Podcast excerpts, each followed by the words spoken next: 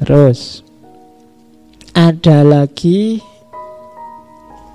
kalimat terkenal dari Demokritos etos anthrophoidaimon. Etos anthrophoidaimon artinya apa? Karakter seseorang adalah takdirnya. Maksudnya bukan kok karaktermu itu takdir, tapi seperti apa karaktermu takdir hidupmu akan mengikuti. Kalau kamu baik, kalau kamu jahat, kalau kamu jujur, kalau kamu curang, takdirmu akan mengikuti karaktermu itu.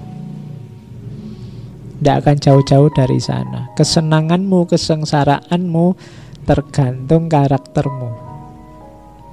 Jadi yang menentukan nasibmu apa? Karaktermu. Makanya karakter seseorang adalah takdir takdirnya. Kalau kamu lihat ada orang jahat, takdirnya Anda akan jauh-jauh dari kejahatannya. Dan kesengsaraan hasil dari kejahatan itu. Kalau ada orang baik, ya takdirnya tidak akan jauh-jauh dari kebaikannya serta segala manfaat dari kebaikan itu. Kalau ada orang tanya, takdir saya kira-kira gimana ya Pak? Lihat karaktermu di situlah nanti takdirmu akan mengikuti. Donkey would prefer straw to gold. Kalau karaktermu kayak keledai, maka engkau akan lebih memilih jerami daripada emas. Jadi, ya coba dicek karaktermu seperti apa. Kalau levelmu hanya keledai, ya kamu lebih memilih jerami dibandingkan emas. Swine prefer mood to clean water. Kalau karaktermu seperti babi, kamu justru akan memilih lumpur daripada air bersih. Jadi ada banyak pilihan dalam hidup, ada yang bersih, ada yang kotor. Tapi kalau kamu lebih milih yang kotor, kenapa? Karena karaktermu sudah mirip swine. Ya, tidak enak ngomong balik-balik bahasa Indonesia ya. Tak terjemah bahasa Inggrisnya aja. Dasar swine. Kalau gitu kan kamu tidak tersinggung. Ya, jadi kalau lebih milih kekotoran berarti kamu milih swine. Kalau kamu membuang yang berharga, milih yang tidak berharga, kamu mirip donkey. Terus, kalau ini pigs. Pigs wash themselves in mud, both in dust or ash. Kalau kamu pigs, ayo, ya sedulure atasnya tadi. Kamu akan mandi dalam lumpur, wash themselves in mud. Kalau kamu birds, burung, ya mandimu dengan debu. In dust or us. Jadi ya tergantung siapa kamu, karaktermu apa.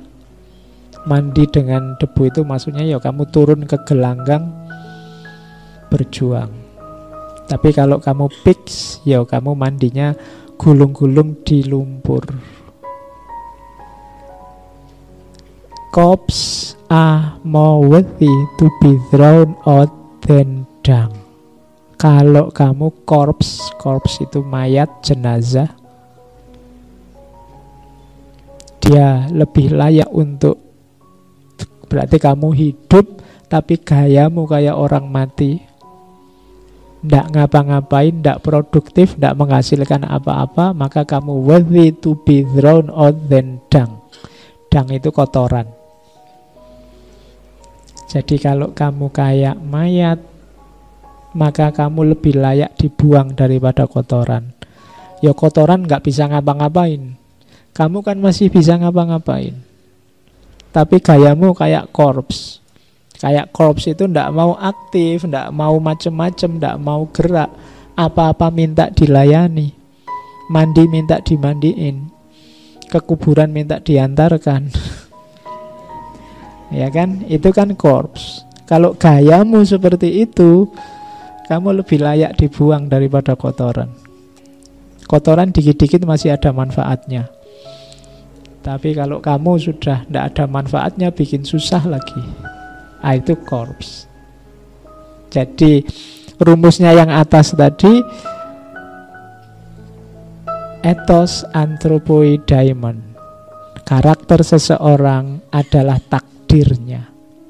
Kalau karaktermu dangke, kamu akan lebih milih jerami daripada emas. Kalau karaktermu swine, kamu akan lebih milih lumpur daripada air bersih. Kalau karaktermu pigs, kamu akan lebih suka mandi dalam lumpur. Atau kalau kamu burung, kamu akan bergulung dalam debu. Dan kalau kamu seperti mayat, kamu lebih layak dibuang daripada kotoran. Nah, jadi berarti apa? Ya bangunlah karaktermu yang bagus. Gimana caranya? Good character is not formed in a week or a month. It is created little by little, day by day. Protracted and patient effort is need to develop good character. Karakter yang baik tidak terbentuk seminggu atau sebulan, namun tercipta sedikit demi sedikit, hari demi hari. Proses panjang dan kesabaran dibutuhkan untuk membentuk karakter yang baik. Jadi, kalau kalian ingin jadi orang baik, jangan nunggu besok. Besok saja lah Pak kalau sudah dapat hidayah. Kalau kamu sudah tahu yang baik, bentuklah dirimu mulai sekarang. Karena dia tidak bisa instan. Dia harus dibiasakan pelan-pelan. Kalau instan biasanya ya hangat-hangat ayam, sekarang semangat besok hilang. Kalau lagi semangat, lagi agak tobat-tobat gimana gitu, saya ingin puasa pak, besok sholat tahajud pak, poson dawud pak, macam-macam pas tobat. Tapi terus kumat lagi. Kenapa ndak jadi karakter? Untuk jadi karakter ditanamkan pelan-pelan. Sedikit demi sedikit nanti melekat. Kalau sudah jadi karakter itu dia keluar dengan sendirinya. Ndak harus dipaksa ndak harus dipatok ndak harus didorong-dorong sudah otomatis karena kalau sudah jadi karakter itu kamu ndak begitu ndak enak yang karakternya jujur, bohong ndak enak. Yang karakternya amanah, curang ndak enak. Kebalikannya, yang biasanya bohong, kok jujur, orang kaget. Rasanya kok aneh ya? Ada yang aneh nih. Oh, kamu jujur sekarang kan gitu. Karena biasanya bohong. Ah, itu karakter. Jadi bangunlah pelan-pelan. Tadi kan karakter itu membentuk takdirmu. Kalau ingin takdirmu baik ya karaktermu harus baik, tapi dibangun pelan-pelan. Karena harus dibangun pelan-pelan, harus dimulai sekarang, jangan nunggu besok. Kalau nunggu besok ya nggak jadi-jadi. Apalagi kamu nunggu hidayah. Itu alasanmu saja untuk padahal kamu males saja. Hidayah itu kan petunjuk. Petunjuk itu biar kamu tahu mana yang benar, mana yang tidak. Lah kamu sudah tahu. Nunggu apa lagi?